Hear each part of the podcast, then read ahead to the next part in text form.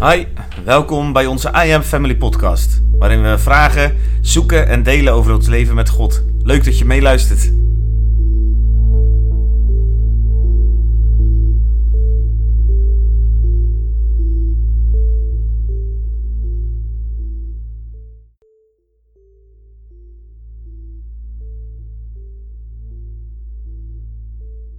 Even kijken, horen jullie ons nu als het goed is wel, denk ik? Goedemorgen, goedemorgen. Als je nu wat hoort, dat duurt dan weer 10 seconden totdat wij dat hier zien. Met gebarentaal, ja. Dus, Ja. eh, Oké, ik ben wel van de gebaren altijd, maar dat was het verhaal dat er net wakker werd. Dus ze had gedroomd, dus ze was niet zo... Ja, zie je het, we zijn te horen. Heel goed. Nou, we beginnen even overnieuw dan. Goedemorgen, lieve mensen. We zijn live. Ik ben live met Annette. Annette is een super blij en die heeft allerlei blije ervaringen. En ik overdrijf graag een beetje natuurlijk. En vanochtend werd ze wakker. Toen was ze ook al zo blij.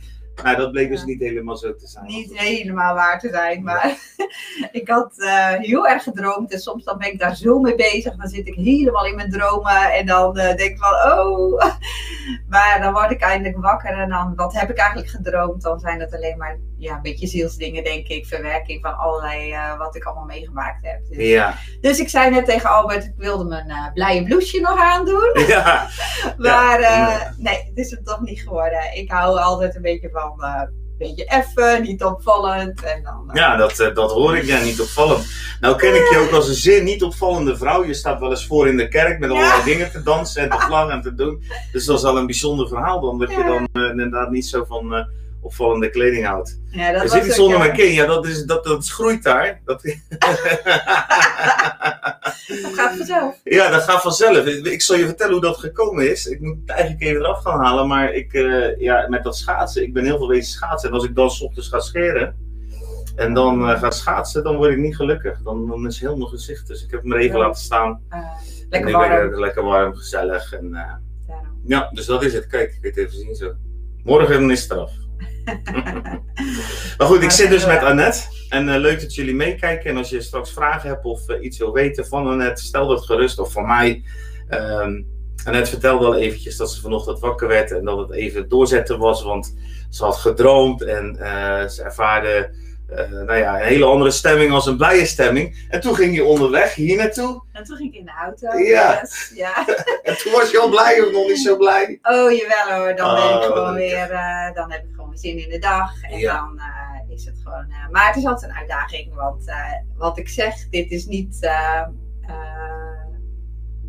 zo live voor de camera. Dat is niet wat ik dan helemaal, ja, dat ik van yes, dat ga ik doen. Dat is echt wel een drempeltje. Ja, Maar dan zeg ik tegen mezelf van, huppatee, kom op.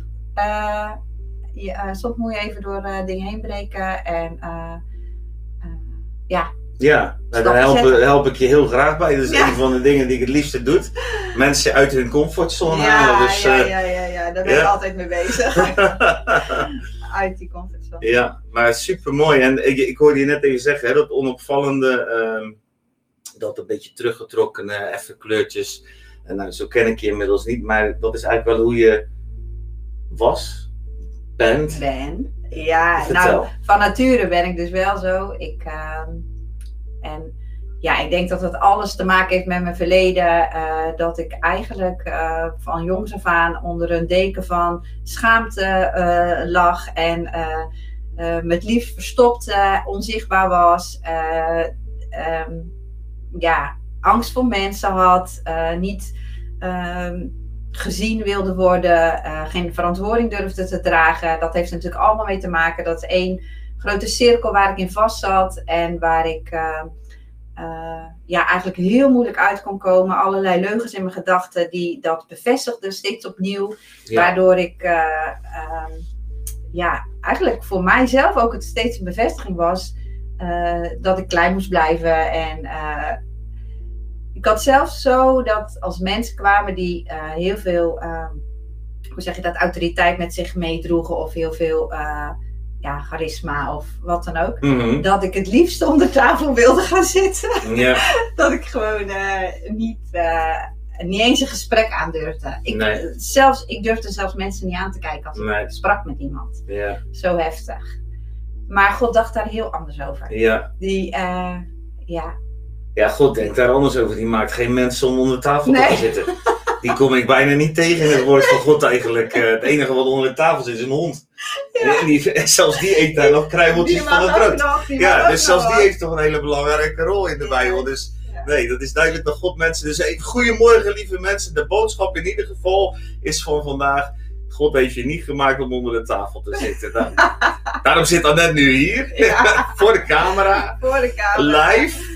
Oh. En eh, gaat ze gewoon de challenge aan om eh, met ons te delen hoe de vreugde van God in haar leven doorgebroken is. En ook hoe dat een doorbraak gegeven heeft, waardoor je steeds meer weer open bent gekomen en verder bent gegroeid. Yes. En ik denk dat dat ja, super belangrijk is. Dus als je kijkt, is het goed om dat even mee te pakken. Van hoe, hoe doet God dat in het leven? Hè? Want kijk, zoals God het bij Annette gedaan heeft, zo wil het ook bij jou doen. Zo simpel is het. Hè? De getuigenissen over Jezus zijn de geest van profetie. Dat betekent dat maakt de wil van God bekend. Wat God in het leven van Annette wil doen, wat God in het leven van mij doet, dat wil hij ook in het leven van jou doen. Daarom vinden we dat zo tof. Ja, die dame straalt. Kijk, Ton die zegt, ja, nu straal je. Ja, dat is absoluut waar. En zo ken ik Annette. En Annette is zo grappig, want ze staat soms voor in de kerk te vlaggen als een malle. En dan vliegen alles alle kanten op en dan is ze helemaal in de Heer. Dus we zijn natuurlijk heel benieuwd naar die reis, hoe dat gegaan is. Jij vertelde mij net nog een, eh, we hebben hiervoor even met elkaar ook gewoon gesproken. En toen vertelde ze een verhaal ook over haar jeugd. Van dan, dan kreeg ze iets moois en dan was, kon je er eigenlijk niet eens blij mee zijn. Zo heftig was eigenlijk die eh, last van Ja. ik kruip weg. Het was een hele zware last. Ja. En ik, eh, ja, ik zat daar helemaal in vast, laat maar zeggen. Dat ik, eh, toen ik 16 was, een brommer kocht. En had ik voor gespaard. En ja, eigenlijk gewoon heel blij mee. Maar ik stond mezelf er niet toe om er blij mee te zijn. En dat te uiten. Dus dat Ja. bleef gewoon helemaal, ja, van binnen, laat maar zeggen. Ik durfde dat ook gewoon niet. Ik durfde niet eens eh, ergens blij mee te zijn. Of eh, sowieso bang voor reacties van mensen, hoe, hoe ze daarop zullen reageren. En ja, op de een of andere manier. Ja, ik weet niet hoe, precies hoe dat werkt, maar het, dat, daar zit je dan zo in. eh, gewoon de hele schaamte voor mezelf en wie ik was en wat ik deed Ja. Eigenlijk wilde in alles, in alles wilde ik onzichtbaar zijn. Gewoon eh, dat mensen geen vragen stelden, dat, eh, dat ik gewoon Eh, er niet was. Het is zo leuk. Ik vind het zo grappig als je dit zegt. Ik zie dat het mensen ook gelijk raakt. Want dit is namelijk voor heel veel mensen zo herkenbaar. Van, je wil onzichtbaar zijn. Het komt natuurlijk Ja. uit de hel. Hè? Dit is echt een leugen Ja. die vanuit de vijand komt. En verbreken die ook in de naam van Jezus. Als je kijkt. En de waarheid die in een nette leven tot stand gekomen is, zal ook in jouw eh, leven tot, eh, tot stand komen. Want Jezus roept altijd mensen naar voren. Hij is trots op je, hij wil je laten zien. Net zoals ik trots ben op mijn kinderen en op mijn vrouw. En ik wil ze laten zien, ik wil dat ze stralen. Ik wil dat ze blij zijn en zo wil God dat ook met jou.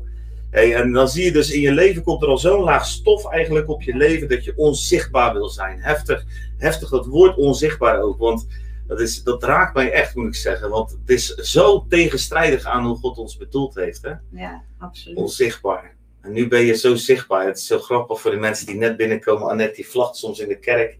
En dan, dan dat doet ze heel goed. Is echt gezalfd voor. Je hebt ook een bedrijfje invlog, hè, maar we komen daar nog straks even Ja. op natuurlijk. Ehm, maar dan staat ze te dansen en dan is ze werkelijk helemaal eh, niet meer bezig met het feit of ze zichtbaar is of onzichtbaar. Misschien van tevoren nog wel eens, dat Ja, weet ik niet. maar dat is in ieder geval niet terug te zien als we je, als we je daar zien. Ja. Maar goed, dus zo in je jeugd en heel veel mensen die dit ook herkennen, van dat, dat je eigenlijk als het ware meekrijgt van en, en de leugens die op je leven worden gelegd van je moet onzichtbaar zijn. En ehm, ik vond het ook, wat mij ook nog raakt, is dat je iets vertelde over die harmonie die je altijd zocht. Hè? Van, je, was, je was vriendelijk, je was mooi, maar ergens zat er in jouw leven altijd een soort leegte. Of wat, hoe jij dat zelf dan beschrijft. Ja, ik, ik voelde nooit ehm, een eenheid van wat ik aan de buitenkant liet zien en eh, zoals ik me van binnen voelde. Eh, ik ervaarde gewoon, eh, ik was zo op zoek naar harmonie.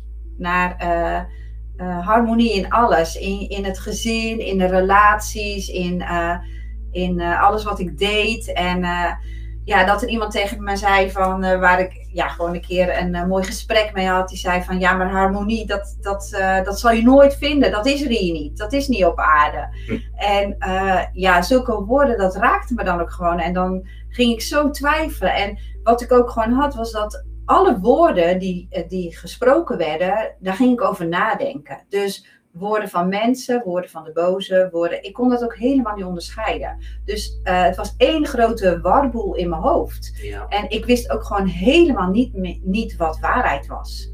Eh, eh, Ja, ik, ik keek naar de realiteit van eh, wat ik zag en wat ik voelde. Vooral wat ik voelde. Wat ik voelde was waarheid.